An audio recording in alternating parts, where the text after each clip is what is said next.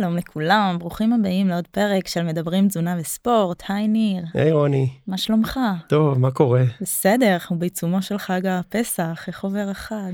כן, אני כבר נזהר להגיד שבחגים אני עושה מחנה אימונים של לאכול ולהתאמן ולאכול ולהתאמן, אני יודע שיש אנשים שיש להם ילדים, אז הם מתאמנים פחות. כן, אז, אז אני לא אגיד. נכון. אני גם, אני שובתת, זאת אומרת, אני עובדת בחול המועד, אני לא מטיילת בחול המועד.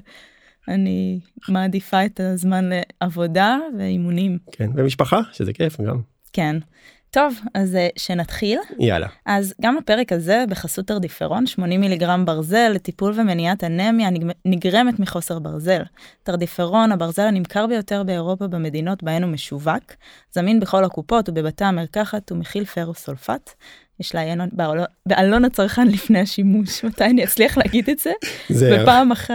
זה מורכב אבל באמת היום הייתה אצלי אה, אה, אימא עם ילד שעושה תהליך נפלא ואיכשהו דיברנו על הברזל היה לו חסר בברזל ואמרתי לה את הדיפרון והיא אמרה לי תקשיב כבר אין את זה בקופות חיילים לפעמים אז אני חושב שהעלינו את ה... יש מחסור אז כאילו צריך לדעת שנראה לי שהעלינו את הפרסום אבל uh, סתם בוא נדבר על דברים אחרים. תייבאו עוד. לגמרי. Um, טוב אז שנצלול לפרק של היום. כן. אה, אז היום יש לנו פרק על אה, נושא קצת אחר, לא על ספורט ותזונה באופן ישיר, אבל נושא מעניין ומרתק לא פחות, ונראה איך הוא כן מתחבר גם לנושאים שלנו. אה, שזה תזונה, ספורט, אורח חיים בריא. בסוף כשמדברים איתנו איכשהו תמיד ידברו על תזונה וספורט ושינה. אלו הם, אלו הם חיינו. לגמרי. אה, ולשם כך אני ממש מתרגשת להציג את האורח שלנו, תמיר ליאון, אה, אנתרופולוג יישומי, חוקר תרבות צעירה, שלום ותודה שהגעת. איזה שאלה, איזה כיף להיות פה. מה שלומך היום? אם השיחה שלנו עכשיו תהיה כיפית כמו השיחה שלפני, אז יצאתי נזכר. כן, לגמרי, נגלה לצופים, למאזינים ולצופים. וצופים, לגמרי, אנחנו גם ביוטיוב, מי ששכח או לא יודע. שכן, אה, עשינו קאט פה לשיחה מאוד מעניינת, כי אמרנו שאתם חייבים להיות uh, חלק ממנה. אז, uh, אז אולי נתחיל. כן, יאללה, בוא נתחיל, ובאמת כאילו אורח מרגש ומעניין, ואני מצפה לזה. אז אולי נתחיל שנייה, מה זה אנתרופולוג? מה זה יישומי? אנתרופולוג זה חוקר תרבויות. יישומי אפלייד זה בעצם אה, זה כינוי לאנתרופולוגים שיש להם עוד לקוח חוץ מהאקדמיה נגיד. זאת אומרת, לצורך העניין אני אה, עובד עם גופים ציבוריים, פרטיים, משרדי ממשלה, כאילו כמעט כמו שאפשר לחשוב עליו, בתחומים שקשורים למחקר שלי. וזה עוד יותר בתרבות צעירה. אז אז התרבות שאני חוקר אני תמיד, תמיד חוקר תרבות התרבות שאני חוקר זה מה שמכונה התרבות הצעירה זאת אומרת ילדים נוער צעירים. ומכיוון זה הוליסטי אז למעשה כל דבר מעניין אותי אז אני, אני, אפשר לדבר בו על דברים באמת פיזיולוגיים כמובן תקשורתיים פסיכולוגיים כל דבר כמעט. ואני וגם כל מי שמקיף את האנשים הצעירים זאת אומרת זה בעצם עולם שלם. בדיוק כי גם אנחנו צעירים רגע לגמרי תרים שנייה גם למאזינים כי כולנו צעירים אחרת יתחילו להיעלב לנו ועוד לא התחלנו את הפרק. כן. צעירים זה עניין של אה, השקפה גישה התכווננות כן. גישה. כן אז התכוננו לפרק ובאמת ראינו שאתה נוגע בהמון המון תחומים והיינו ככה צריכים לבחור אה, וראינו שאחד התחומים שאתה מתעסק בו הרבה זה חוסן נכון. כן, הסיבה ש...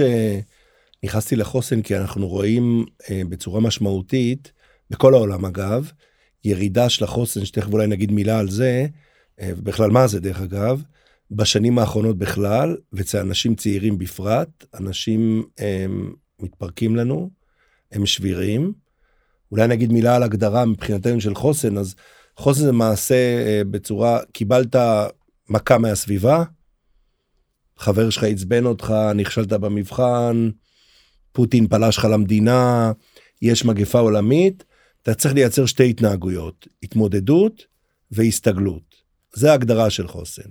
עכשיו החדשות הטובות כמובן, לגבי חוסן שהפסיכולוגים טוענים שחוסן הוא נרכש ולא, ולא מולד, זה דבר מאוד חשוב, בגלל זה אנחנו מדברים על זה עכשיו, כי אם לא היינו מדברים, אם זה היה מולד הייתי אומר טוב זה הילד או זה הבן אדם, זה הגנטיקה, אני מעשות אלך הביתה. לא, אפשר ללמד אנשים להיות יותר חזקים, זה נחשב מכישורי החיים הבסיסיים, זאת אומרת, קשה לשלוט על הנפילות שלנו בחיים, אפשר לשלוט על כמה קמים, איך אנחנו קמים. אמ, אנשים מצליחים שאני מדבר איתם, מספרים לי תמיד שהם בעצם נעים מכישלון לכישלון. וואו. ופשוט, מי שפייר, דרך אגב, אנשים מצליחים בכל תחום, אם הם פיירים, הם יגידו שני דברים, גם לפי המחקר. היה לי המון מזל בחיים. אה, פשוט הייתי שם כדי שזה יקרה. זה מדהים, בדיוק קראתי, שמעתי פודקאסט עם פרופסור קהנמן. זה בדיוק מה שעבר לי בראש, אז שמעתי יאללה, את תגידי. אותו פודקאסט. לא, לא, יש מחקר שלם על זה, על לפעמים כמה אנשים שהצליחו, לא נותנים, אה, אה, כאילו בראש שלהם כבר אומרים שהמזל, כבר מתעלמים מהמזל והם לא מבינים כמה מזל היה להם. אה, זה גם אנשים צנועים, אני חושב שגם את זה איבדנו קצת, כי זה אנשים שנכון שיש שם פקטור של מזל, אבל עם כל הכבוד לאנשים האלה ברור שדברים גם התחברו להם, אבל לפני שהם התחברו מלא דברים קרו בדרך והם נכשלו ונפלו וקמו והיה חוסן. אבל גם יש איזה צניעות להגיד זה גם מזל זה משהו מאוד יפה שאני חושב שהוא קצת נעלם מהעולם. אני יכול אני יכול להגיד שבהיבט אה, שלנו פה שאחד מהילדים שלי בזמנו היה שהוא היה מאוד מאוד קטן מאוד קטן אני לא זוכר נגיד 3 4 הוא היה באיזה חוג התעמלות כזה של ילדים. ו... ואחד הדברים שהמאמן אמר או שדיברנו איתו על הוא היה אה, היה לו מאוד קשה עם אה, לא להצליח זאת אומרת הוא היה אה, וזה אחד הדברים שאותו מאמן עבד איתו זה היכולת בעצם אני, אני יכול להגיד שבאיזשהו אה, משהו אחר שלי אני עובד עם חבר'ה שעושים גיבושים בצבא. המילואימניקים בכל מיני אה, המון יחידות שהן מאוד מאוד שונות אחת מהשנייה אבל בסופו של דבר כולם מחפשות את הבן אדם שייתן את היותר ממאה אחוז שלו. כמובן הכישורים הם שונים בין, בין המקומות. זאת אומרת, אם נגיד הגעת לגיבוש ולא על ההתחלה מתישהו התעלפת אף פעם לא תיכשל מקסימום יגידו לך לבוא עוד פעם לא מדבר אחרי חמש דקות כן Mhm. אבל uh, מחפשים את האלה שיודעים לתת מעבר היכולת הזאת היא וה... וה ה- ה- ה- היה בסדר כאילו שזה גם אופטימיות אגב שזה דבר שהורים יכולים לעבוד עליו.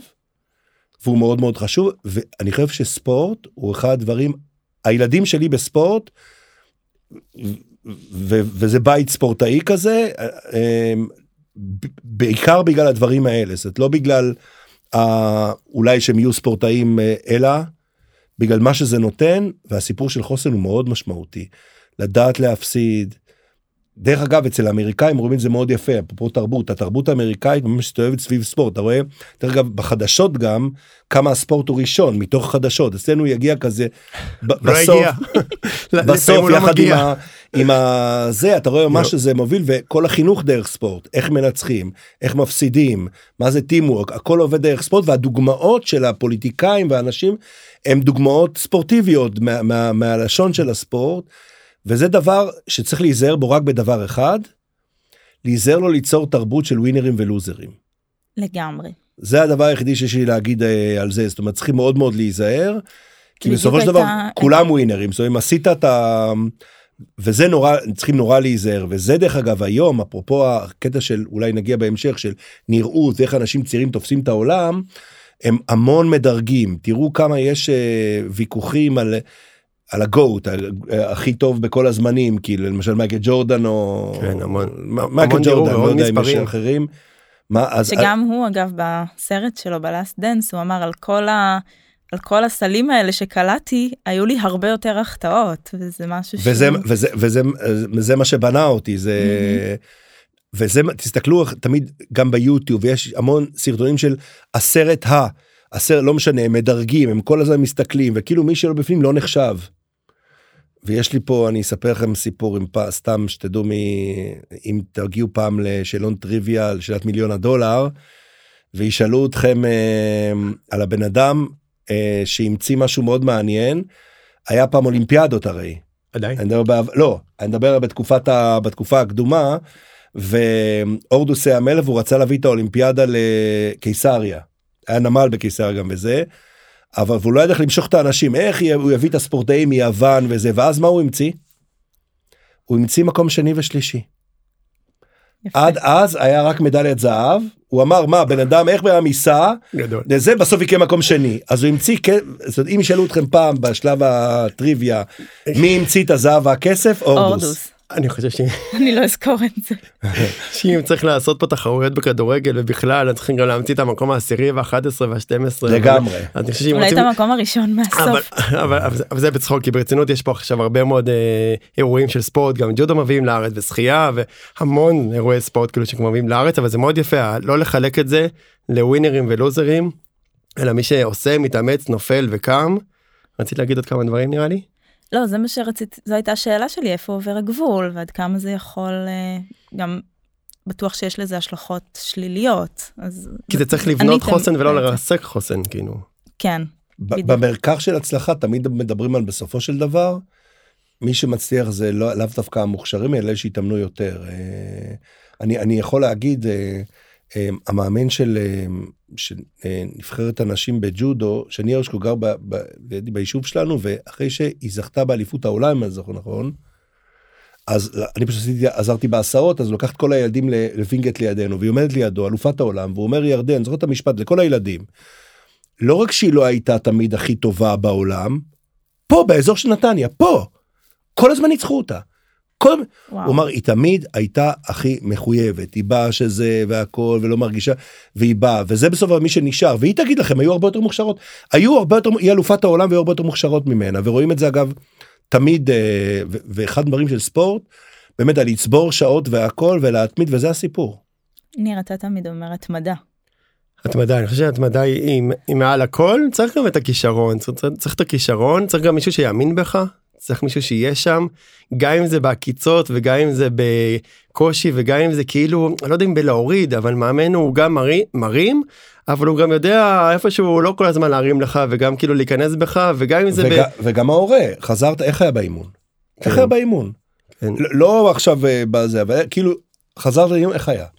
אני מושפע מאוד מהספר אה, אפרופו חג אז מה שעשיתי קראתי ספר שלם או שניים כבר אבל ספר שלם של יעל ארד אני מודה שאני מושפע מאוד מהספר.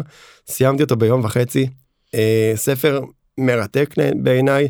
אפשר ללמוד מזה המון על נחישות על התמדה על מישהי שהיא באמת לא מוותרת אה, שהיא בנתה בעצמה את הצוות. אפשר לבנות באמת בלי סוף כמה דברים לקחתי ממנה והחוסן שנבנה לאט לאט וכישלונות ופציעות לדעתי זה מרתק ושוב זה לא האנשים הכי מוכשרים זה אנשים שהאמינו בעצמם ושמו רף גבוה ונפלו ו- והצליחו.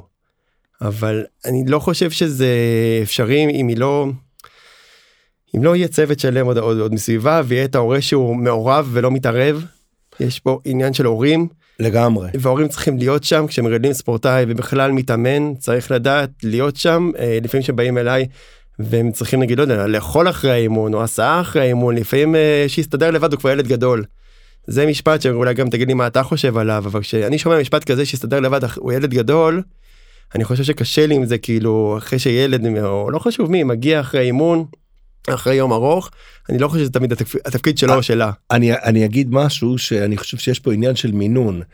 ו, ואין איזה שהוא, אה, כי אני זוכר, יש לי זיכרון שפעם אני, אה, אחרי משחק כדורסל של אחד מהילדים שלי, הם תמיד הרי עם הצ'ימידן הגדול של הציוד, אז אני לוקח, אז הרבה פעמים אתה רואה את האבא או במקרה, או את ההורה, לקחתי את צ'ימידן שלו, סתם, שיחק עכשיו, כאילו גמר אה, זה, צ'ימידן. והמאמן הולך במקרה אחריי והוא אומר לי מה שהוא יסחוב המאמן נכון? אז אתה אז אין אה, פה מינון אני חושב שהקטע שכמו הרבה בחינוך שהילד ידע שאתה שם. אם צריך אתה שם כאילו ואתה אומר ואתה רואה וזה בעצם הסיפור אין איזשהו מינון מסוים לפעמים כן לפעמים לא אין איזה הגדרה אבל זה זה העניין בכלל בהורות אגב. יש תמיכה. אז מה אפשר לעשות כדי לפתח חוסן? אוקיי אז פה יש כמה דברים אה, אם נגיד תרשמו חוסן בגוגל אז יעלו המון דברים שקשורים לחוסן. אה, מרמה של אה, אופטימיות ריאלית ולשים מטרות וויסות רגשי גם יש המון דברים באמת המון יש אה, אה, 20 ומשהו דברים שונים אולי יותר. הפסיכולוגים אומרים שהדבר הכי חשוב מכולם וזה מתקשר למה שאתה אמרת ניר זה, זה הגב החברתי שיש לך. זאת אומרת בסופו של דבר טימוורק והכל מאוד מאוד חשוב ודרך אגב אפרופו הגיבושים בצבא זה, זה דבר צריך לשים אליו כי גיבוש הוא המקום היחידי בצבא שבו בעצם אתה נגד כולם. אחרי שכאילו כי רק אחרי שאתה עובר גיבוש הוא שונה מהזה כל העבודה היא עבודה של צוות וזה מה שנותן את הכוח אז הכי חשוב דווקא זה הקשרים החברתיים של הילדים ולתמוך וזה ממש מבחינת וולנס של אדם זה נאמבר 1 אגב בכל מחקר שהוא במחקרים הארוכים האלה של הרווארד שמכירים את המחקרים יש את המחקר הכי ארוך בעולם, זה ממש קלאסיקה. שנגמר? לא, אה, אוקיי. יש- כמה- הוא ארוך. אני אגיד כמה הוא ארוך, יש, זה, זה ממש קלאסיקה, אפשר להסתכל, זה נקרא, השם, ה, השם העם שלו, מה שנקרא, זה מחקר העושר באלף של הרווארד, אוקיי. אבל אוקיי, יש כן, לו שם כזה לונגיטיוד, לא זוכר כן. בדיוק את השם המדעי, בגדול ב-1900, כן. אני מקווה שאני ממש לא טועה, ב-1939, אבל אולי אני טועה, בשנה, הם לקחו, זה אני אומר מהזיכרון, 724 גברים בני 19, עכשיו יש נשים וילדים, זה, זה, זה עדיין לא נגמר, אוקיי? זאת אומרת, מתי זה התחיל?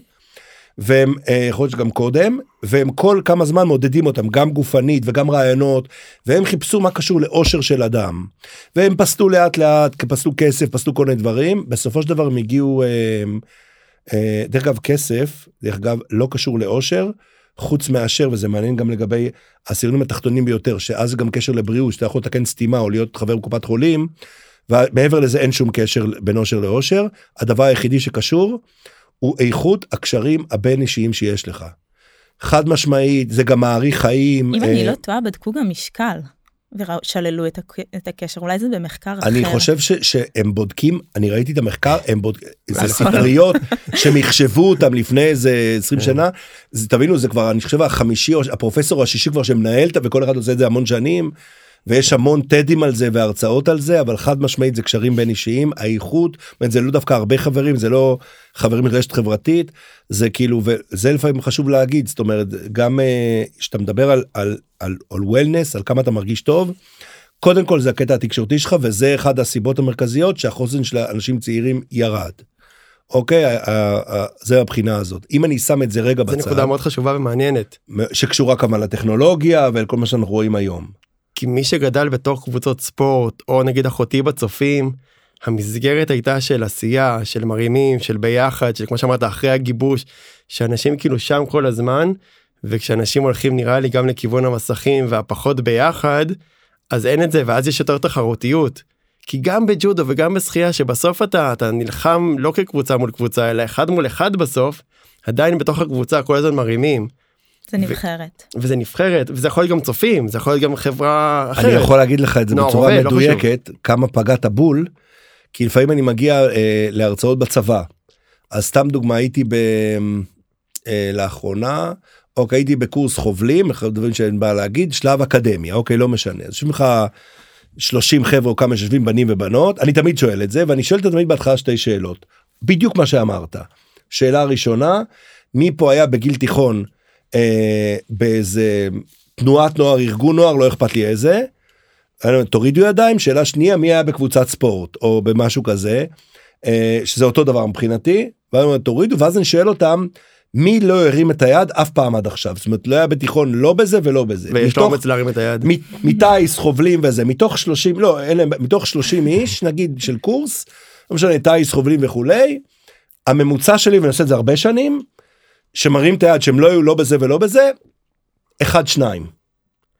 עכשיו עכשיו אני- עכשיו בדקתי את זה שאלתי אותם את הכוח אדם אם שואלים את זה זאת אומרת אה, אמרתי אולי הם שואלים אמ-. אמרו לי כן אנחנו שואלים אבל זה זה לא אה, וזה השתנה זאת אומרת, פעם שהייתה שכונה אז הם היו פחות דומיננטים היום המקום החברתי הוא או שם או שם בעצם כמעט תמיד וזה ממש משפיע על ההצלחה.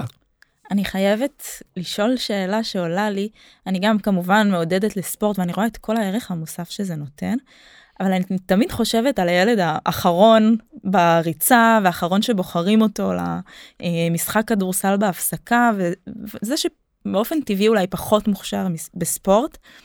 כי הרבה מהם גם מגיעים אליי עם איזשהו חוסר ביטחון כזה, וגם פה אני שואלת איפה עובר הגבול. כי אני חושבת שזה גם יכול להוריד את החוסן. אני בול אותי זה נורא מעניין מה שאמרת ורציתי ממש לשאול בדיוק מה שאמרת. מה קורה ילד שלא אוהב ספורט וילד שנגיד לא היה אני מאוד לא התחברתי לצופים ולנוער העובד הייתי קצת בנוער העובד טיול שנתי היה נחמד אבל חוץ מזה כאילו לא ממש אהבתי את זה ואז כאילו איך אנחנו נותנים טיפ להורים שההורים שלהם הם לא פה ולא פה ומה מה הם כן יכולים לעשות כי אם אתה אוהב את זה ואתה טוב אז כנראה שתמשיך וגם הפרישות הם הרבה פעמים די מוקדם גם ילד שהיה בספורט נגיד מי שהרים שם את היד בגיבוש אז יכול להיות שהוא היה בספורט עד גיל 13 14 15 לא כולם היו עד גיל אני 18. שאלתי על תיכון מראש. כן אז אני אומר מה שאני כזה מחזק את רוני אני אומר כאילו מה קורה עם אלה שגם פרשו היו סבבה אז היו עד גיל 12 אתה יודע אז, אז זה מעניין. אני יכול להגיד שאני ממש זוכר את זה כסריטה מבחינתי שהיינו בבית ספר היסודי ובכיתה שלי היה ילד, קודם כל אצל, עד היום אצל בנים, כמו שאתם יודעים, הילדים המקובלים, לפחות בית ספר יסודי, זה שהם טובים בספורט. אם אתה לא טוב בכדורגל בדברים מסוימים, אתה כבר טיפה אחורה. עדיין עדיין. עדיין בהיבט הזה, לפחות בבית ספר היסודי, לא, לא כולם, אבל אתה מתחיל אחורה, ואני זוכר, עד היום, תשמעו, אני בן 55, אני זוכר ילד שהייתי ביסודי, למדתי בריאלי בחיפה, הוא היה פחות טוב בספורט, מה שהרגליים שלו היו ככה, איך נגיד, רגלי איקס, איך קוראים לזה? אני לא יודע איך קוראים יש לזה. O ויש X. כן, אז הם היו איקס, ו, ו, ו, וזה היה, והיה לנו מורה, וזה לא היה, והוא היה, והוא רץ, והוא השלים את הריצה, אני מדבר, הגיע, ריצה ארוכה, הוא הגיע אחרי שמה שנקרא, שכולם התקלחו כבר, מה שנקרא, אמ, והמאמן אמר לו, בואנה, אני לא אגיד את השם, אתה צריך, אני זוכר את המשפט, אתה צריך שנתון בשביל לרוץ. המאמן אמר לו את זה. וואו, המורה להתעמלות, סליחה, המורה לחינוך גופני. עוד יותר. ותשמעו זה שרף אותי אני אה, אני זוכר את המשפט הזה עד היום. וזה לא היה לי. אוקיי זה היה זה היה לי ילד ומבחינתי זה היה נורא. אז ההיבט הילד הזה לא ויתר והוא סיים. מבחינתי הוא היה נאמבר 1 הוא היה גיבור. לגמרי. הוא- היה הילד הזה היה יכול לפרוש ואף אחד לא אומר לו כלום. הוא סיים את הריצה הוא סיים את הריצה אני אומר לך, אחרי שכולם ישבו כבר ושכחו שהריצה הייתה. והוא סיים. וזה נקודות שפה צריך להיות אה, אה, צריך לשים לב כל מי שמקיף. אומרת, הקטע מבחינתי הוא המנצח זאת אומרת, לתת תחושת ניצחון, גם אם זה לא תוצאה שהיא... אה, ולתת ולתת פרסים לאנשים שהשתפרו מהמם. כמו בהרבה מקומות למשתפר על שיפור ב- ולא ב- על הישג. ה- השיפור לעלות על הבמה. ל- להגיד למעלה לתת לו זה וזה הילד שהכי השתפר ולמדוד את זה. זאת אומרת, זה צריך להיות חד משמעית ב- ויש מקומות שעושים את זה. אני חושב שיש יותר מודעות אבל אנשי חינוך וגם הורים צריכים להבין שאנשים יכולים לגמור ילד לגמרי. לגמור ילד. ועל משפט. לגמור ילד, אני אומר לכם, אני, אני בטוח שאף אחד לא זוכר את זה, רגע אחד מתוך בית ספר וזה, אני זוכר את זה על הילד הזה. יש לי אותו בזה, הוא לא גר בארץ היום, יש לי אותו אה, בראש, את המשפט הזה. כן, אני חושבת שהרבה צעירים מגיעים אליי ואומרים, גיליתי על עצמי שאני אוהב ספורט, זאת אומרת, אה, כל תקופת הילדות, הם לא אהבו ספורט בגלל איזושהי חוויה שלילית, ואז כשהם כאילו יצאו מהמסגרת ולא היו בהשוואה עם מישהו אחר, והם הרגישו את ההתקדמות של בינם לבין עצמם ואת הסיפוק הזה שנבע מספורט, פתאום הם גילו שהם אהבו ספורט, ובעיניי זה חבל, כי הם פספסו המון, המון שנים שהם אה, פיזור המון שנים, אבל אה, כל החיים שנראה לפניהם. לגמרי. אני בכיתה א', הייתי בכיתה א', היה לי דלקת ריאות ולא הייתי חודש בית ספר כזה של פעם, שנת 73 מלחמת יום הכיפורים, וחזרתי היה מבחן בחשבון. זה אגב המבחן היחידי שאני זוכר מ-12 שנות לימוד. ובסוף היה שישה דברים זה מה שאת אמרת בהיבט אחר.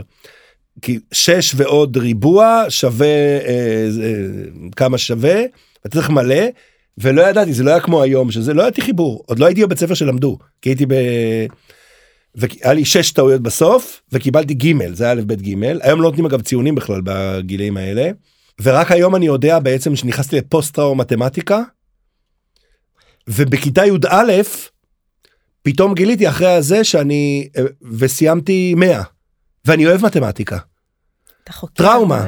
אני אוהב מתמטיקה טראומה כאילו על, על, על, עצמי אני זוכר את המבחן היחידי שאני זוכר אז ההיבט שמישהו לקח וגם אולי גם בספורט זה כל הכניסה של הישגיות היא פוגעת הרבה פעמים בספורט וגם זה שבארץ וזה אתם יודעים יותר ממני לדעתי הספורט החובבני מאוד מאוד לא מפותח גם מבחינת תרבות ספורט חובבני אני לא מדבר על מבוגרים כן. וגם וגם על ילדים על בדיוק מה שאתה אמרת הילד הזה שהוא לא ממשיך כי הוא לא מספיק טוב אבל הוא אבל אבל הוא כשהוא. מתאמן סבבה לו ואולי. יש דברים אחרים שהוא יהיה טוב בהם בספורט כן. ואיכשהו המערכת מכניסה רק את אלה ש, שהצ, שהצליחו וספורט ברמה של A, ו', חטיבת ביניים הגיל הזה ש, שנושרים וספורט חובבני גם מבחינת המתקנים גם מבחינת שבתי ספר יפתחו את האולמות שלהם ואת המקומות שלהם בארץ חם אחר הצהריים. וכל המקומות האלה וזה דבר שצריכים מישהו צריך להרים אותו.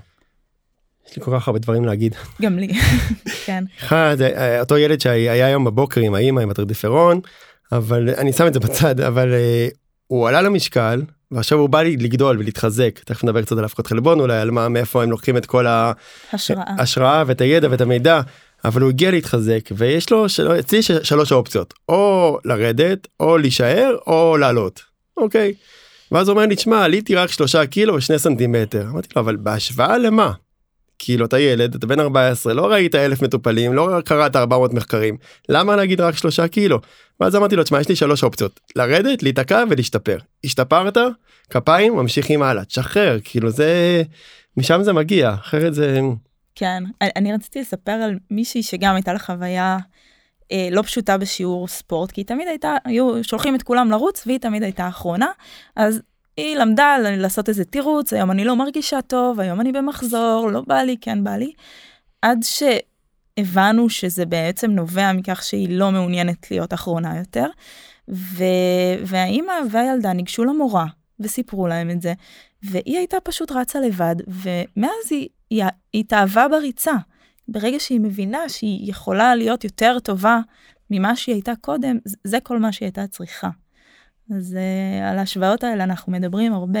אם אני בתוך הסיפור של החוסן שאנחנו רואים באמת וזה אגב אחד הדברים שקשה להם אתה נשבר כי אתה לא הכי טוב וזה וכאילו אתה אמור להיות אבל אם אני פה ממש אה, ספציפי הדבר הכי חשוב לחוסן מבחינתי שינה. ושינה זה הסיפור שהמסכים נתנו לו כאפה רצינית. אני יכול לספר סיפור שאני ממש זוכר איזה רגע שאלתי היה לי הבנה אני מדבר הרבה עם בני נוער במסגרות אה, פורמט ולא פורמליות. ולפני הרבה שנים תכף תדעו את השנה לפי מה שאני אגיד הייתי בבית ספר בחיפה. אמ, מקיף עירוני א' בחיפה בית ספר שש שנתי אני ממש זוכר. נתתי שתי הרצאות לי"ב הם היו שכבה גדולה אז חילקו אותם לשתיים. ובאמצע תמיד שתי ילדים שמדברים איתי ככה בין ההרצאות כזה. וילדה אחת אמרה אני זוכר את המשפט היא אמרה היא הייתה בי"ב היא אמרה אתה יודע זה, זה ציטוט כשבאנו בכיתה ז' ראינו את הי"ב והם היו מה זה היא ניסתה להגיד רצו כאלה והיו פעילים ולא מזמן דיברנו בינינו דיברנו בינינו שאנחנו מה זה עייפים כאלה. ומה שהיא לא ידעה או לא לא חשבה שזה קשור זה השנים שנכנס כאילו הטלפון והושיב דור הושיב דור הם עושים מה שצריך. זה גם אחת הסיבות לעלייה בספורט יש שתי סיבות לעלייה צריך, עושים היום יותר ספורט. היום עושים יותר ספורט. חד משמעית עושים איך עוש... זה מתכתב עם הטכנולוגיה. שתי, שתי ו... סיבות שתי מעניין. סיבות עושים נכון, עוש... מאוד אגב, מעניין. אגב טובים. אני אומר עושים יותר ספורט גם מבוגרים. עושים זאת ב- בשני היבטים גם הסיפור של הנראות Mm, שתכף נדבר עליו המשמעות וגם שאנחנו הרבה יותר באורח חיים יושבני מה שנקרא sedentary lifestyle ואז אנשים זה בעצם קונטרה ליושבנות ישבת כל היום על המחשב מהמם. בוא תעשה זה רואים בעיקר אצל מבוגרים אוקיי וגם אבל אז בגלל זה אתה רואה שהסיפור של ספורט יותר נכנס כי פעם לא היית צריך לעשות ספורט איך אמר לי מה- מאמן ספורט אמר לי אין לי תמונות כי אין תמונות מהגיל הזה הוא אמר. אבל הוא אמר אנחנו הבנים בכיתה ט' בבית ספר היינו כולנו קוביות בבטן. לא עשינו ספורט היינו בשכונה פשוט כל הזמן רצו ראיתי תמונה שהשוו כזה לפני איזה 100 שנה שראו בן אדם עם שק מלט או שק חול על הגב והיום רואים מישהו עם שק בקרוספיט שזה כאילו באופן מלאכותי אנחנו מנסים חייבים. תחשבי שאת כל הזמן בעצם באנרגיה של שכונה זאת אומרת את לא אני דרך אגב אה, זה, בט- זה תחום בספורט שאני לא מכיר אותו קלטתי אותו בקורונה. בקורונה העליתי איזה 15 קילו. שלקח לי אה, איזה שנה שתיים להוריד אותם. ב- עכשיו מה השתנה? עשיתי ספורט אותו דבר אוקיי אותו דבר אבל היה הבדל מסתבר אני לא הכרתי את התחום הזה זה אתם יכולים להגיד שאתה מוציא קלוריות בעצם אני לא מדבר על ספורטאים מקצועיים כן מהמם. אדם רגיל כי אדם רגיל שעושה ספורט רגיל הכי הרבה על בעצם איך נקרא הומיוסטזיס על, על לקיים את חילוף ה... חומרים כן. חומרים וכל, ונשימה וכל הזה שאנחנו נשאר אה, בחיים. והדבר השלישי זה ספורט לאדם רגיל. אבל מה הדבר השני שלא ידעתי שהוא קיים? ניט. הוא אה, נגיד עכשיו אני יושב עכשיו פחות כי אני אני מזיז ידיים רגליים. אנחנו זזים לא בספורט. הולכים בבית ב, אני, אני לא יודע איך קוראים לזה בכלל. NEAT. שזה- סינית, אנחנו מדברים באמת? על זה הרבה. ככה? נון exercise לא, לא ידעתי והדבר הזה הוא ירד לי ב- ב- בק- ב- בקורונה זאת אומרת נכון. לפני זה הייתי הולך הרצאות נתתי כל היום הרצאות אבל בזום כן, הייתי כל הזמן הולך נע עומד והכל ספורט עשיתי אותו דבר אחת דיברה אותו דבר זה ירד לי זה נפגע. 15 קילו מטורף. 15 קילו ב- על, על, על ההיבט הזה אני אומר חד משמעית כי אני יודע כמה התאמנתי. דרך אגב פה אתה רואה אופי של ילדים. כי אה, בדקתי ב, בצבא בווינגייט כאילו בבה"ד 8 מה שנקרא והם ראו שהגיעו לחבר'ה מה שנקרא דורות הקורונה לצבא. וזה מאוד מעניין כי זה חינוך. ו, ובגדול הדור שהגיע מהקורונה הגיע לצבא הצבא מודד. הגיע לצבא פחות כושר.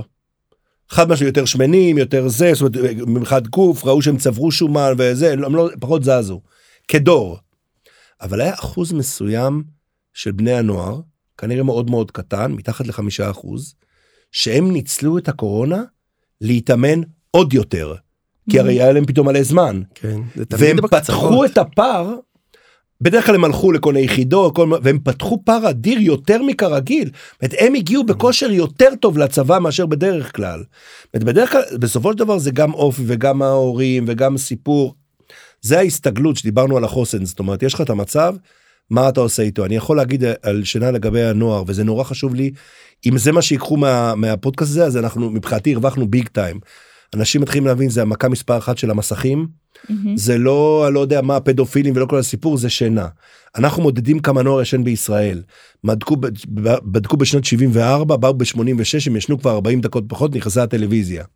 היום נוער ישן בממוצע יותר משעתיים פחות מנוער לפני 20 שנה זה מחריב את המערכת כמה שעות אתה יודע? כן זה, בלילה? אני יכול להגיד ממוצע כמובן. לא זה תלוי אה, כמובן בגיל דרך אגב זאת מהמם. אומרת אה, לפי זה אבל אם את לוקחת נוער שמבחינתנו נגיד זה ז' עד י"ב נגיד בוא נדבר על הגילים האלה. אנשים שלפי המחקרים תקנו אותי אם אני טועה אבל אה, לפי המחקרים צריכים לישון אם הם לא ספורטאים בין 8 ל-10 אסור לשכוח שעודף שינה מזיק לא פחות מחוסר מהמם. שינה בין 8 ל-10 ואם ספורטאים נגיד מ-9 עד 11 מהמם. זאת להוסיף עוד שעה ספורטאים בוא נגיד מה זה ספורטאים נגיד ארבע פעמים בשבוע ספורט משהו כזה פלוס מינוס כ- כנוער. אז היום פשוט תורידו שעתיים פחות מזה מההמלצה. מההמלצה. זאת אומרת אם יכלתי אם אני שמונה אני ישן שש עכשיו וואו. מה מה גרוע גם אצלם הם ישנים צהריים לישון צהריים ילד מעל כיתה ב' ג' אלא אם כן יש לו איזה בעיה זה לא טוב. אוקיי זה לא טוב כי זה בניגוד למבוגרים שזה אני יכול לספר על זה שעות כמה זה טוב בגבול של עד 45 דקות לא מדבר על סוף שבוע או דברים כאלה נדבר מהלך השבוע. בין 20 ל-45 דקות שנת יום היא מעולה לאדם מבוגר כל 10 דקות שנת יום נותן חיוניות של שעה וחצי שנת לילה. יש יש על זה המון מחקר אני באופן אישי אגב העברתי בשתיים שלוש האחרונות לדעתי מאות אנשים.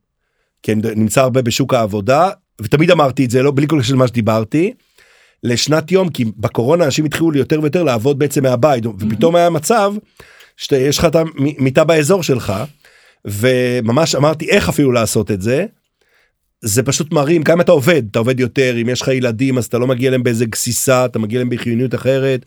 יש על זה המון מחקרים בשנים האחרונות ואני לא אפתח אני רק אגיד מבחינת נוער אתה מגיע לבית ספר 11 הבוקר של בני נוער אני מדבר באופן אישי כן.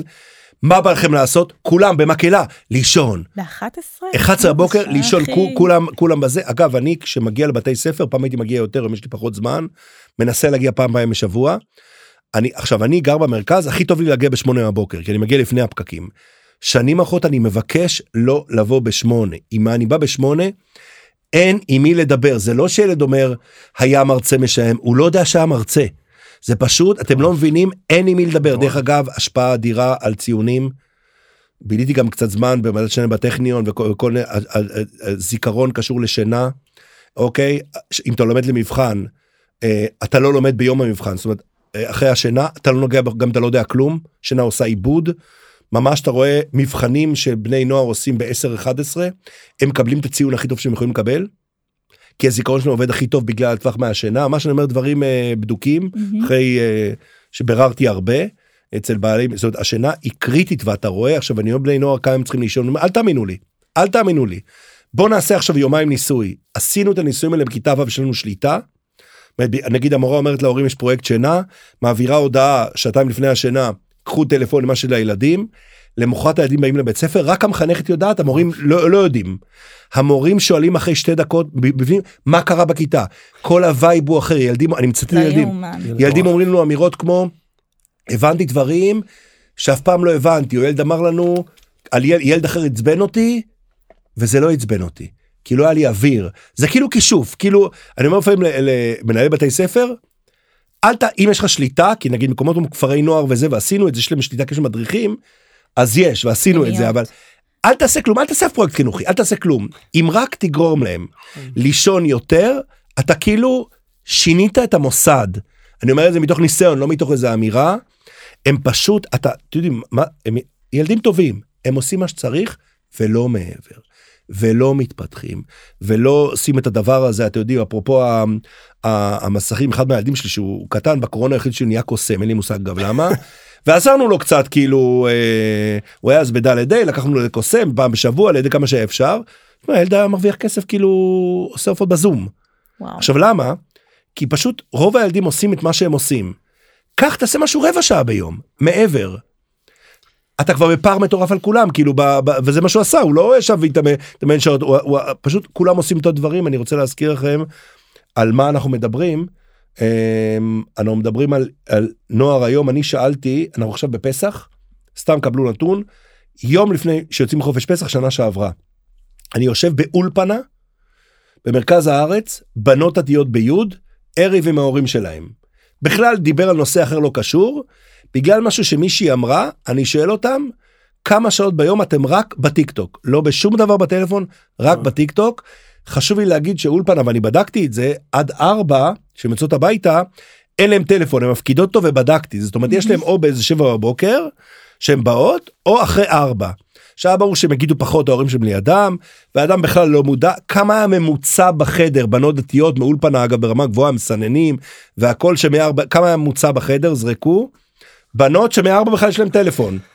ויש להם לימודים והכל כאילו, אני- חמש שעות ח- מה? רק באתי טיק טוק. להגיד שלוש שעות ורציתי להוריד היה. יותר חמש שעות כי הם גם לא ישנות. חמש שעות ר- מול הפנים שלי כשההורים שלי לידם. ממוצע בחדר אני אנתרופולוג אני חי מהשטח זה קטע של אנתרופולוג אתה לא זה, אתה אתה רואה דברים מולך אתה עושה תצפיות. חמש זה הממוצע בחדר רק טיק טוק דרך אגב לא שאר הדברים וואו. עזבו את כל מה שזה עושה זאת אומרת שבגלל חמש שעות, אתה יודע מה אפשר לעשות בחמש שעות? עזבי אני אומר לילדים תעשה רבע שעה קח תוריד רבע שעה רבע שעה תעשה אסור להגיד. דברים יותר מדי תס- תהיה עם חבר שלך face to face. אוקיי אז אני אז עכשיו שאתה נמצא שם יש לנו דרך אגב מחקרים שגם אנחנו בדקנו על דברים אחרים. יש קו של שלוש שעות אני יכול להגיד זה עולה גם במחקרים וגם אצלנו מעבר לשלוש שעות ברשת חברתית ביום לא משנה איזה רשת עכשיו. אתה רואה את האנשים עם רמה יותר גבוהה של דיכאונות בודקים אה, אה, אפילו חרדות ותמיד השאלה היא הביצה והתרנגולת האם בגלל כן. שאני ב- ב- בבעיה אני אמצא יותר שעות או בגלל אני בגלל זה אני בבעיה לא יודעים אני יכול להגיד גם מחקרים שאנחנו עשינו בכלל דברים אחרים לחברות שלוש שעות זה הקו זאת אומרת אם הוא יותר משלוש ברשת חברתית ביום. שומע טיק והיום הסיפור זה טיק טוק כאילו גם מעניין מה גורם, האם זה התוכן שהם צורכים, או זה שהם בטיקטוק ולא ש- ישנים, ואז בגלל החוסר שינה, זה מוביל זה שאלה מעולה כי למה יש שאלה מעולה כי כשאני לא ישנתי אני מתי אני אוכל. שאני עייף. מהמם. בטח שזה גם שם אה, מקצועי אני מתאר לעצמי לא יודע מה זה, זה לא אכילה רגשית זה אכילה כי הכוח רצון שלי יורד כי אני עייף. אז אז אז אה, אצלי זה במיוחד בולט כי אני, אני אוכל בלילה הקטע הרגיל ו, ואתה כשיורד בעצם אתה נמצא הרבה אתה יותר עייף ואז אין לך כוח ואתה ממשיך ואתה עוד יותר מעבר לכל המחקרים שאנחנו יודעים על ההפרשות על הדופמין על כל מה שקורה לי שאני מקבל פידבקים. ועל הכל ואיך זה עובד לא ניכנס לזה פה עכשיו אני יכול להגיד שההתמכרות היא כימית. אוקיי זה לא התמכרות של בסבבה זה התמכרות כימית התמכרות כמו להרואין יותר חזקה מהרואין אגב טיק טוק שאנחנו לא מכירים את האלגוריתם שלו הוא לא. אה, זאת אומרת, לא, לא, לא פוצח זאת אומרת לא אנחנו יודעים פחות איך זה עובד. אה, מאוד מאוד מצליח כמו שאתם טיק טוק דרך אגב סתם אם אתם רוצים נתון הוא הטכנולוגיה שהוטמעה הכי מהר בהיסטוריה האנושית. הוא שבר את השיא הקודם שהיה של סמארטפון וואו. סמארטפון כסמארטפון. אוקיי אז, וואו. אז גם כשיש מהפכה לוקח זמן שהמהפכה קורית אם זה בואו, קבלו את הקצב. ו- לקח להמצאת הגלגל 1500 שנה לעבור מצד אחד של הרי האנדים לצד השני בדרום אמריקה לגלגל קבלו את אז טיק טוק זה נאמבר 1 בעולם עבר את הסמארטפון. והגיע. להרצליה ושבר אותי גם. ואני מודה אני שכאילו מחזיקה מעמד את ולא. מחזיק- רוני מחזיקה מעמד מאוד יפה ואז קלטתי מה קורה וקלטתי מה קורה לחלומות שלי וקלטתי קלטתי מה קורה לשינה שלי ואז זה נעצר זאת אומרת השאלה כל מיני דברים מרתקים אותי מעניין גם האם רואים פעילות של מוח כאילו פחות טובה כי נגיד שאני מדבר עם, אח... עם אחותי על האחיינים שלי שזה הכי קרוב לילדים כי אין לי ילדים. ואומר לי תשמע וזה דור שעושה מלא דברים שאנחנו לא עשינו ותראה איך הם עושים ותראה איך הם עושים. ואני אומר אוקיי יש להם כישרון בלעשות חלק מהדברים ואני אומר סבבה. אני לא בטוח שברמת האינטליגנציה האם היא עדיין ממשיכה ועולה. והאם זה אה, לא אני פוגע ברמת. תפקודית מוחית כי יש דברים שהם עושים יותר טוב חד משמעית. קודם כל הקטע הזה כמובן אנחנו לא נגד אני באתי פה עם טלפון זאת אומרת אני לא סיפרנו לצופים ולשומעים ולא הגעתי פה על סוס אני לא מדליק זה זאת אומרת הכל אני, לג... אני טכנולוגי לגמרי.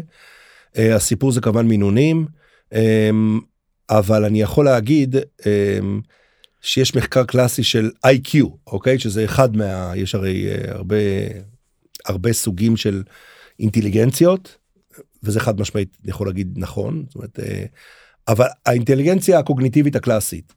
יש מבחן אה, אה, שבודק אותה, אה, המבחן הכי ידוע, שהוא מ-1900 דעתי 47 אם אני זוכר נכון, והוא נמדד בכל העולם, יש קצת בעיות, אומרים את הביקורת, מיעוטים, וזה בגדול זה המבחן. מהרגע שהתחילו לעשות אותו ועברו אותו מיליונים, האנושות עולה כל עשר שנים בחמש נקודות במעט משכל. עולה. עולה. למה? לא יודעים. בשנים האחרונות יש עצירה ותחילת ירידה. שתי אפשרויות. אפשרות אחת, הילדים יותר אידיוטים. אפשרות שנייה, המבחן כבר לא מתאים. הנחה שלי, שתי התשובות נכונות. מעניין. כן. דיברנו פה על שינה. דיברנו גם נראה לי גם מי הקבוצה מסביב זאת אומרת שאם כולם עושים טיק טוק אז גם כולם עושים טיק טוק ואם כולם בצופים אז כולם יותר בצופים. רגע, לא, לא, שנייה, לא.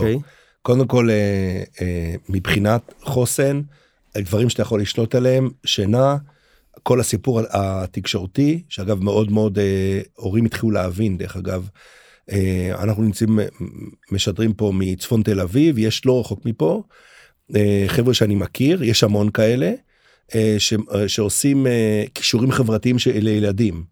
אה, ואתה רואה, ויש להם waiting list, אתה ממש רואה, הורים התחילו להבין שזה הקטע, זאת אומרת ש... שילד יכול להיות גאון עם חמישה דוקטורטים מה שנקרא אם לא יודע להסתדר להתחבא ואין לו סיכוי אין לו סיכוי במשפחה שלו גם משפחה היא קבוצה חברתית אינטליגנציה חברתית.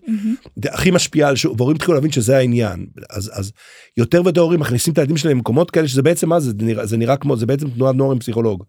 בדברים האלה ו- ואם, אז, אז זה דבר מאוד מאוד חשוב ומאוד חשוב להורים לדחוף את הסיפור החברתי. דרך אגב אתה יכול להגיד נגיד תל אביב פה שזה עיר של צופים. אז מבחינת תנועת נוער דרך אגב מבחינתי אין, אין הבדל בין תנועת הנוער זאת אומרת זה לא משנה אבל תמיד הפרסומת הייתה כל הכיתה בצופים ראיתם את זה כן. בזה זאת אומרת זה בכלל לא משנה מי המדריך מה זה משנה הקטע הוא להיות ביחד בסביבה לא פורמלית גם כאילו זה- בספורט רק שיעשו. זה כן זה, זה. זה הסיפור כן. אז זה מאוד חשוב אז אם עד עכשיו אה, בעצם אמרת מה עשינו עד עכשיו הסיפור של שינה דרך אגב מה שכנע את הבן הקטן שלי לישון זה לא משנה מה אבא אומר כמובן. לברון ג'יימס תקנו אותי אם אני טועה הוא האדם מישהו אמר לי שהוא אדם שהשקיע הכי הרבה כסף בגוף שלו כספורטאי אי פעם. בטח תחרות רצינית עם רונלדו אבל כאילו בזה עם שף פרטי מיליון וכל הסיפורים. הוא ששאלו אותו אני לא זוכר בדיוק כמה הוא אמר ושאלו אותו מה חשוב הוא אמר ישר שינה. ולדעתי הוא ישן אה, יותר משהו ישן איזה תשע שעות או ישן המון שעות שהוא צריך לישון כמובן הרבה פחות אז עכשיו אני כמובן זה לא משנה מה אני אומר אבל זה שלברון ג'יימס אה, Mhm. אמר. אז זה שכנע את הבן שלי לישון וחשוב גם להגיד שהוא משחק איתי בחופש הוא מנהג חופשים. אז אז הוא, הנה אני ישן את השעות אבל יותר מאוחר לא חשוב להגיד שיש לזה המון מחקרים שזה מתי אתה ישן וילד גג ב-11 בסופו של דבר צריך לישון בשביל זה גם לא צריך לראות טלפון לפני כי אחרת המלא, כאילו המלטונין לא יעוכב וכל מה שאנחנו מכירים אז בוא אז זה סגרנו ואם רק יעשו את זה אז הסיפור החברתי והסיפור הסיפור של אי- אימון גופני וה, וה, וה, והמצב שלך מאוד מאוד קשור לחוסן זה זה בכל ההיבט של ה- זה תזונה נכונה זה מה שכתוב בבייס תזונה נכונה שאתה מסתכל על חוסן ושינה אוקיי? ופעילות גופנית, וגם לתת לילד ליפול. לתת לילד ליפול, לשמור מסביב, כשאתה חושש שאתה לא נותן לו ליפול, הוא לא ידע לקום. תנו ליפול, תנו להם להתרסק. זה בסדר. זה בסדר. עדיף שזה יהיה עכשיו. וזה קורה בספורט, וכולנו מכירים את הסיפורים של מייקל ג'ורדן שלא קיבלו אותו לקבוצת כדורסל של, של הבית ספר, והסיפורים הידועים. לך, תן לילד ליפול, לא, ושיתמודד, אוקיי, ובכל ההיבטים, וזה הדבר, אה, כהורה, ו, ובמיוחד שקשור גם לספורט, מאוד חשוב להגיד uh, לילד. עוד דבר שחשוב לי להגיד בהיבט של תזונה, um, מאוד חשוב um, לא לעשות מאוכל אישו בבית. והקטע הוא פשוט לא לדבר על זה, זאת אומרת לא לעשות כי אז הילד קובר את זה, ואנחנו רואים את זה, מתחילים בגיל ההתבגרות וכולי, ועולות הג'ננות, הוא מטייל את זה לאוכל, ואז אתה כבר מה שנקרא בברוך. אז, אז אתה יכול לאכול בריא, סבבה, אבל אל תטחן את זה ותעשה אישו בבית. האמת היא שגם גם בהקשר הזה אפשר לתת לילד במרכאות ליפול, גם הייתה אצלי מישהי לא מזמן, שהיא אמרה לי, בחג הרגשתי שהתפוצצתי, שהייתה לי הרעלת סוכר. אמרתי לה, אוקיי, ו- ומה קרה אחר כך? היא אמרה לי, לא יכלתי לגעת בסוכר כמה ימים. אז היא כביכול נפלה, היא הרגישה נורא נורא לא נעים, ואחר כך היא התאזנה בעצמה, אף אחד לא אמר לה שום דבר. אמרתי לה, זה בסדר, תמיד מגיעים למצבים שעושים קצת יותר מדי. והגוף יודע לאזן את עצמו, וככה לומדים. והיא נורא נבהלה מעצמה, הרגישה מין מצב של חוסר שליטה. ובגלל שהיא הבינה שזה נורמלי וחלק מחיים, ובאמת גם ההורים לא עשו מזה עניין, אז אה, היא אמרה, אה, אוקיי, סבבה. אה, אני יכול להגיד רק עוד, אה, לגמור בבעיה שיש לי. שאני, אין, אין, לי פתר, אין לי פתרון כרגע, כי אני לא מבין מספיק. אנחנו מתעסקים בעולם באופן כללי, שאני מסתכל, שאני מגיע ל... לאנשים מדבר, מנסה לדבר על הבעיות הגדולות של הדור, או לאיפה אנחנו הולכים. אחת הבעיות שאני מדבר היא בעיה של אינפורמציה, באופן כללי. אמ, שכל אחד יכול להגיד כל דבר. ואני יכול להגיד אה, בנושא שאתם מתעסקים בו בצורה כל כך יפה, שאני, אין לי הרבה פעמים כאלה.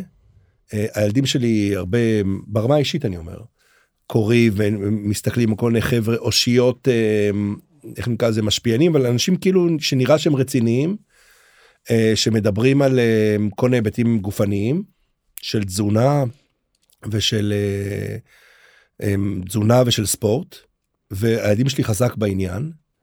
ואחד היה בסיפור של האבקות וכולי, ו- וזה, האחרים פחות, אבל, ואני אה, מכיר ביולוגיה ברמה סבירה וכולי. אני יכול להגיד שאני נמצא אה, מול אנשים שמצטטים מחקרים והכל וכולי. אני לא מעריך לאו דווקא ידע אקדמי של אנשים שיודעים, אה, אבל אני לא יודע להגיד לילדים שלי מי מקצועי ומי לא. זאת אומרת, אני, ואני חושב, אתה רואה הרבה דברים שעושים נזקים. שמעתי לא מזמן משרד הבריאות אה, נתן אזהרה לגבי כל מיני אנשים. Mm-hmm. אה, אני לא מספיק מקצועי, ואני מאמין שרוב ההורים לא מספיק מקצועיים, לדעת להגיד לילדים שלך מי מחרטט ומי מסוכן. לגמרי. ומי מסוכן. וזה דבר שאני חושב שצריך להיכנס אליו אפילו ברמת אה, הרשויות זאת אומרת או, או מישהו צריך לקחת את זה עליו. זאת אומרת אם יש מישהו מתעסק עם איך אתה מתלבש וכולי וואלה זה זה לא פה אין פה איזה נזק אה, למרות שלפעמים יש מפגעים קשים ברחוב אבל עדיין אתה שורד את זה. אבל אם מישהו מתעסק עם הבריאות שלך בר, ברמות הגבוהות ו, ו, ואני לא נמצא במצב כזה של ידע באמת אני קורא ומסתכל ונכנס שאני יכול אה, להגיד לילד שלי זה טוב או לא ואתה רואה כל מיני דברים יש דברים שאתה רואה שזה חרטא כל האתגרים ואתה יודעים אה, אה, עשרת אלפים זה מוכן לקיץ. כן. לא לא מעבר אני מדבר על האתגרי אוכל האלה עכשיו ראיתי דרך אגב של שניים מאוד ידועים האם אפשר אה, ביום ביום ב-24 שעות לצרוך עשרת אלפים קלוריות ולהוריד עשרת קלוריות ביום. לא באותו יום. נורא ואיום. אגב אפשרי, יש תחרות. להוריד ממה? לא... לא, לשרוף ביום. עשרת אלפים קלוריות, עשרת אלפים קלוריות ביום. בס- מספורט ו... אה, יש, יש מסתבר שיש מרוץ של 24 שעות אופניים, אה, משהו כזה, כן. שמדדו והם כמעט מגיעים שם לעשרת אלפים אה, זה, אבל, אבל לצרוך סבל קלוריות ב-24 זה נראה שעות, לי יותר קל מלהוציא אגב. אה, יכול להיות, כן. לא בטוח דרך אגב. לא בטוח, אה, נכון. יש המון דברים כאלה, אתגרי אוכל וכולי, שזה חד משמעית אני יודע זה מזיק. אז בוא נעשה כן. איזה קו אדום להורים, ברגע שיש אתגר, משהו שנשמע קיצוני, אבל זה נמשך מעבר, תבואי להמבורגרים, תראי שהם יש באתגר. ומי שבר ומי זה נכון, דבר נכון. שצריך לדבר איתם, זה דבר לא טוב, אוקיי? חד משמעית. אבל כשנכנסים, זה אני יודע להגיד. אבל כשנכנסים מעבר, קודם כל אני חייב להגיד שאין לי שום מושג, אני לא יודע מה להגיד כל האבקות האלה. אני לא יודע להגיד, האבקות האלה תקשיב והקריאטין, לפודקאסט שלנו. ו- אתה- וכל הדברים האלה, ויש כל כך הרבה סוגים, ואתה כן. מנסה להגיד, והורים חסרי, ואני חושב שצריך להיות ממש בהיבט של לקחת את זה, מישהו בר סמכה ולהגיד, זה מותר, זה הכמויות, זה הגיל, זה ממש ברמה של, אה, שמישהו שיגיד, אוקיי, זה, ההורים והדורים זה הרמה, וממש לפרסם את זה כתוב, בטבלה. אז קודם כל יש, אומרת יש, פשוט זה לא נורא פופולרי. אבל זה ומי חייב להיות. שפופולרי זה מי שמצטלם יפה באינסטגרם, ויש לו מיליון עוקבים. לייקים. ויש לו לייקים ועוקבים וה- וה- וה- וה- והכל וזה, וזה בעייתי. אז נכון, אז קודם כל יש לנו. יש לנו פרק על תוספים, פרק שלם שבאמת עושה סדר בכל הנושא הזה, אבל אנחנו חיים בתרבות של שפע, וכמו שיש שפע של אוכל ושפע של בגדים, יש גם שפע של מידע. אני חושבת שאם בעבר היו צריכים ללכת לאנציקלופדיה ולחפש איזה ערך, היום צריך לדעת איך לסנן את המידע. כלומר, אנחנו מוצפים מכל כיוון, וזה באמת משימה מאוד קשה. גם אנחנו בתור אנשי מקצוע, לומדים את זה ומשתפשפים בזה כל הזמן. וזה זה נכון מה שאתה אומר, זה אנשים שנשמעים נורא נורא משכנעים, אבל בסוף צריך לדעת מאיפה אתה שואב את המידע, וגם אם מישהו ציטט מחקר, צריך לראות אם הוא ציטט את כל המחקר. נורא קל לחרטט. נורא קל. ממש. ולרון יש איזה אני- כלל אצבע עם האסרטיביות, כן, ככל שבן אדם נשמע יותר אסרטיבי, ולא מסתייג. כן, ואין לו שום שום הסתייגות ושום נימה של צניעות, ככה קפדהו וחשדהו, וואי, זה טיפ במדע, מעולה. במדע אין כזה דבר, אפילו מחקר, תמיד יש לו את הקטע של ההסתייגות בסוף, ואת ההגבלות. אגב, מחקר. זה ההגדרה למדע, ההגדרה של קל פופר למה זה דבר מדעי, הוא ניתן להפרחה. מה שניתן להפרחה הוא לא מדעי, פרויד הוא לא מדעי, דרך אגב, ב- ב- מהמם. בהיבט הזה, זאת אומרת, זה יכול להיות נכון, אבל זה לא מדעי. נכון. ו- אמ, ו- וחשוב להגיד, מצד שני, שאתה מאוד אסרטיבי, אתה מקבל אה, יותר צפיות. נכון.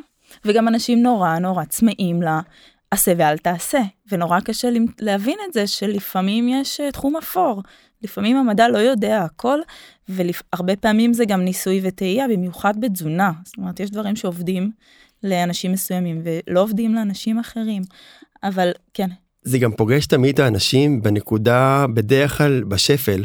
זאת אומרת שאתה נורא כאוב, או נכון. נורא בבאסה. והנה תעשה את זה והנה בסדר. תעשה את זה וזה שיקרה, זה תופס את הנקודה, רוב האנשים כשהם בשלב שהוא בסדר, נקודת נוחות כזאת, אז לא מחפשים יותר מדי עכשיו איך נפטרים מי, או איך מעלים מי, או איך מורידים מי. זה פוגש אותם בנקודה שהם בדיוק חיפשו את זה, והם אמרו וואו היד שלי לא מספיק גדולה, אני חייב להגדיל אותה, בוא נראה מה מגדיל לשריר. מחפשים ביוטיוב מה מגדיל לשריר, רואים סרטון שלא חשוב מי, קריאטין, הפחת חלבון, גיינר, אני עכשיו קונה, עכשיו הם מוכנים באותו רגע, כאילו הם מאבדים גם את הדעת, זה מ-0 ל-100 כי הם בנקודה של קושי, של או סבל. ס- שורפי שומנים. או שורפי ש- שומנים אבל אני מבין אותם שהם בנקודה הזאת בנקודה הזאת אתה רגע תנשום עמוק תראה מי הצוות תראה מה אפשר לעשות תח- תחקור עוד רגע. כן צריך למצוא את האנשי מקצוע האלה הבעיה הנקודה היא שהבן אדם הוא בסוג של קריז. ובאותו רגע הוא כמעט יעשה הכל. עוד, עוד דבר קטן, אני באמת, אה, הדבר הראשון שאני אעשה זה לרשום את השם של הבן אדם בגוגל, ואנשים, זה, זה נורא טריוויאלי ואנשים לא עושים את זה. אמרת שיצאו אזהרות של משרד הבריאות. כן. טיפ מעולה. מספיק לרשום את השם בגוגל, אנשים שואלים אותי מה את חושבת על כך וכך. רושם את השם שלו בגוגל, צילום מסך, אזהרה של משרד הבריאות, אני לא צריכה להגיד שום דבר מעבר לזה. אז יש אנשים שמנסים להילחם בזה, משרד הבריאות מנסה, יש אנ- אה, עורך דין אפילו של דיאטני, זה לא מספיק. שמשרד הבריאות צריך לקחת את זה, ובגלל זה מעולה שיש הם, הם, תשתיות כמו שלכם, שנותנים מידע לאנשים, חשוב להגיד גם מה הנוער מעריך. היום, אה, פעם הארכת אקדמיה, זאת אומרת, אה, בן אדם למד כך וכך שנים, היום 77% מדור ה-Z לומדים ביוטיוב, אני מדבר לימודים אקדמיים, זאת לימודים שהם מעבר, אחרי הבית ספר. כן. האקדמיה הולכת ומספר סטודנטים הולך ופוחת בעולם בכלל. כי היא לא מספקת את הסחורה מבחינת שיהיה לך עבודה וכולי, זאת אומרת הם פחות מהמם. מעריכים ידע אקדמי.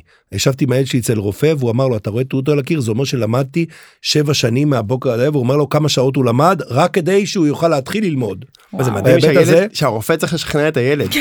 העובד שלך, הוא כי רופא. הילד הילד לקח איתו, כי הוא ראה, כי הוא ראה, אה, אה, איזה שני חבר'ה שמאוד מאוד ידועים והוא אומר לו, ו- והוא אומר לא אבל אמרו ככה וככה, הוא אומר אוקיי כמה זמן הם למדו זה לא מעניין אותו, נכון. את ההיבט הזה. והם נצפים. ופה צריך להיכנס לזה בצורה כי לדעתי יש נזק ובגלל זה דברים כמו מה שאתם עושים הוא חיוני הוא פשוט חיוני ואני מקווה שישמעו את זה כמה שיותר אנשים שמבינים שאם לא ישמעו את זה יהיה נזק די, תמשיך. אין כמו להפחיד אנשים כאילו ב... א' תודה ב' אני חייב להגיד לך זה גם דיון שיש לי כל הזמן עם אחותי אני אומר לה תקשיבי אין לי זמן לעלות כל היום פוסטים כי אני עובד. נכון, אנחנו קוראים ולומדים. אני עובד יופי. ואין לי זמן אתמול היא אמרה לי תקשיב אתה ראיתי איזה פרסום שבאינסטגרם אתה צריך לעלות לפחות שלושה סטורי ביום אמרתי לה דנה אין לי יכולת לעלות שלושה סטורי ביום כי אני עובד ואני חושב שגם אנשי מדע ומקצוע ועוד דיאטניות ועוד רופאים הלוואי שיהיה להם עוד זמן להעלות עוד תכנים טובים לתת את הקונטרה. כי בסוף האנשי מדע צריכים לתת את הקונטרה והם צריכים להיות אז שם. אני חושב אז אני חושב שצריך לפנות לזה הלוואי. זאת אומרת אם מה שאכפת לך זה בריאות הציבור תתנדב אז, אז, באינסטגרם. אז צריך אה, צריך כן. לתת פה מעבר למשרד הבריאות כי זה נחמד כאילו גם לתת להם את, ה, את הקרדיט אבל אני לא חושב שהם יעשו אני חושב שאנשי מקצוע צריכים כמו שאמרת זה טיפ מצוין לפנות את הזמן ולעשות את זה כי זה וללמוד את השפה נכון. של האינסטגרם ושל הטיק טוק וכולי איך מעבירים מסר. צריך לדעת להעביר מסר ב- 30 חכם גם שניות. ב-15 יש- שניות יש אנשי כן. מקצוע מעולים שכן עושים את זה, וגם פה צריך ל- לסנן. זאת אומרת, לדעת אחרי מי עוקבים. גם- נכון ברור גם אנחנו לומדים מהיוטיוב, ואנחנו, זאת אומרת, אנחנו גם חיים בעולם. כן, בטח. לא אבל לגמרי אני, צריך אני מתחבר לדעת עם מה זה לקרוא נשמע ולמי שרק להקשיב. אנשים עושים עבודה נפלאה זה ברור אבל מי- שעובד בזה לא תמיד יש לו זמן להעלות את זה אבל אני... יכול להגיד אנשים כאבא. אני מודאג. כאבא אני מודאג. מהנושא התזונתי או... אני אני? מודאג בהיבט הזה שדווקא בגלל שהילדים שלי לא לא כ- כמומחה כאבא אני מודאג הילדים שלי צורכים מאמני כושר חוץ ממה שהם עושים ב- עם, אה, צורכים מאמני כושר צור- צור- צורכים מאנשים שמדברים על תזונה מכל העולם צורכים אבקות או וואטאבר ואין לי שום דבר מקצועי להגיד אליהם ואני התאמנתי והכל אין לי מה להגיד להם אני לא יודע מה להגיד להם אני שומע את האנשים אין לי מספיק ידע אני צריך מישהו שיגיד לי כהורה זה עולם ומלואו. זה עולם ומלואו. אז. אני רוצה קצת לקראת סיכום וסיום כי אנחנו צריכים לסיים אני חושב שאני אה, החלק האופטימי פה ואני חושב ש... שסך הכל אני כן רואה בני נוער שרוצים ללמוד ולקבל ידע והם כן רוצים להשתפר ואני חושב שגם הנזקים לא כל כך גדולים ולא כל כך מהירים ניר, לקחת לי את פינת המסר לאומה היום, אז זה שלך. אה, אבל טוב, יש המון מה לעשות ויש תקווה חד משמעית כן. אחת הסיבות שאני גם באתי ואני אומר, אומר את זה פה אנשים כהורים יכולים לעשות המון. המון. שהילדים שיהיו יותר חזקים שיהיו יהיו יותר בריאים שיהיו יותר בריאים נפשית המון זה שישנו המון בידיים טוב. שלך שישנו שיעשו פעילות מתונה שמעו את הדברים שיהיו עם אורך רוח כאילו שיעריכו עוד דברים שיהיה אלטרנטיבות שיעזרו לחברים כמו שאמרת. כן זה, זה לגמרי יש לנו המון כוח. טוב, אני חושבת שסיכמתם את זה מאוד יפה. אה, ולסיכום, יש לנו פינת הכרת האורח, כמה שאלות אה, אוקיי. קצרות. אז אה, תמיר, מה היית אם לא היית אנתרופולוג יישומי? אין לי משהו מעניין זאת אומרת אני הייתי משהו דומה הייתי אה, ארכיאולוג פרה-היסטורי אה, אני מתעניין מאוד כן באדם, מעניין. באדם קדמון. מאוד מעניין. כן. אה, יפה. ואיזה ספורט אתה עושה, אם בכלל? אני עושה אה, ספורט בבית שזה אירובי קצת וכוח. אה, בעבר עשיתי אה, שחייה וכדורסל והרבצתי מכות בכל מיני סוגים. אה, במובן הזה. אה, כן ומטקות. אוי, מתקות זה כיף. וואלה. מה- הכיף במטקות את יודעת מה הבעיה שאין במטקות? מנצחים. אין מנצחים. אני מתה. אין מנצחים אני יכול להגיד לך שהגעתי לרמה כזאתי שאני גדלתי בחיפה שזיהיתי אה, אנשים שגדלו בחיפה על החוף, אה, על חוף, והם לא מתרגשים ממטקות שורקות לידם, לעומת אנשים במקומות אחרים שקופצים שמשחקים כן. לידם. הגעתי למחוז אנתרופולוג, מטקות זה, זה, אגב לכל דבר, דרך אגב לכושר, מה. שרוצים, לגמרי. אני, אני נורא אוהבת ספורט ואני לא אוהבת את התחרות, אז אה, מתקות, מסתדר למה אני אוהבת. אה, מאכל אהוב? אתה יכול שניים. אני חושב שבסוף זה חומוס. טוב, תמיר ליאון, תודה רבה. בוא, איזה כיף רבה, היה, רבה. כאילו, חבל שאנחנו עוצרים. אנחנו, כן, אנחנו יכולים לדבר עוד שעות, אבל כבר. גם ככה חרגנו מהזמן, אבל אני חושבת שזה היה שווה את זה. אה, היה באמת מרתק, ותודה שהגעת. המון תודה, תודה. תודה רבה. חג שמח. תודה תודה על רבה. ההאזנה. ביי ביי. ביי.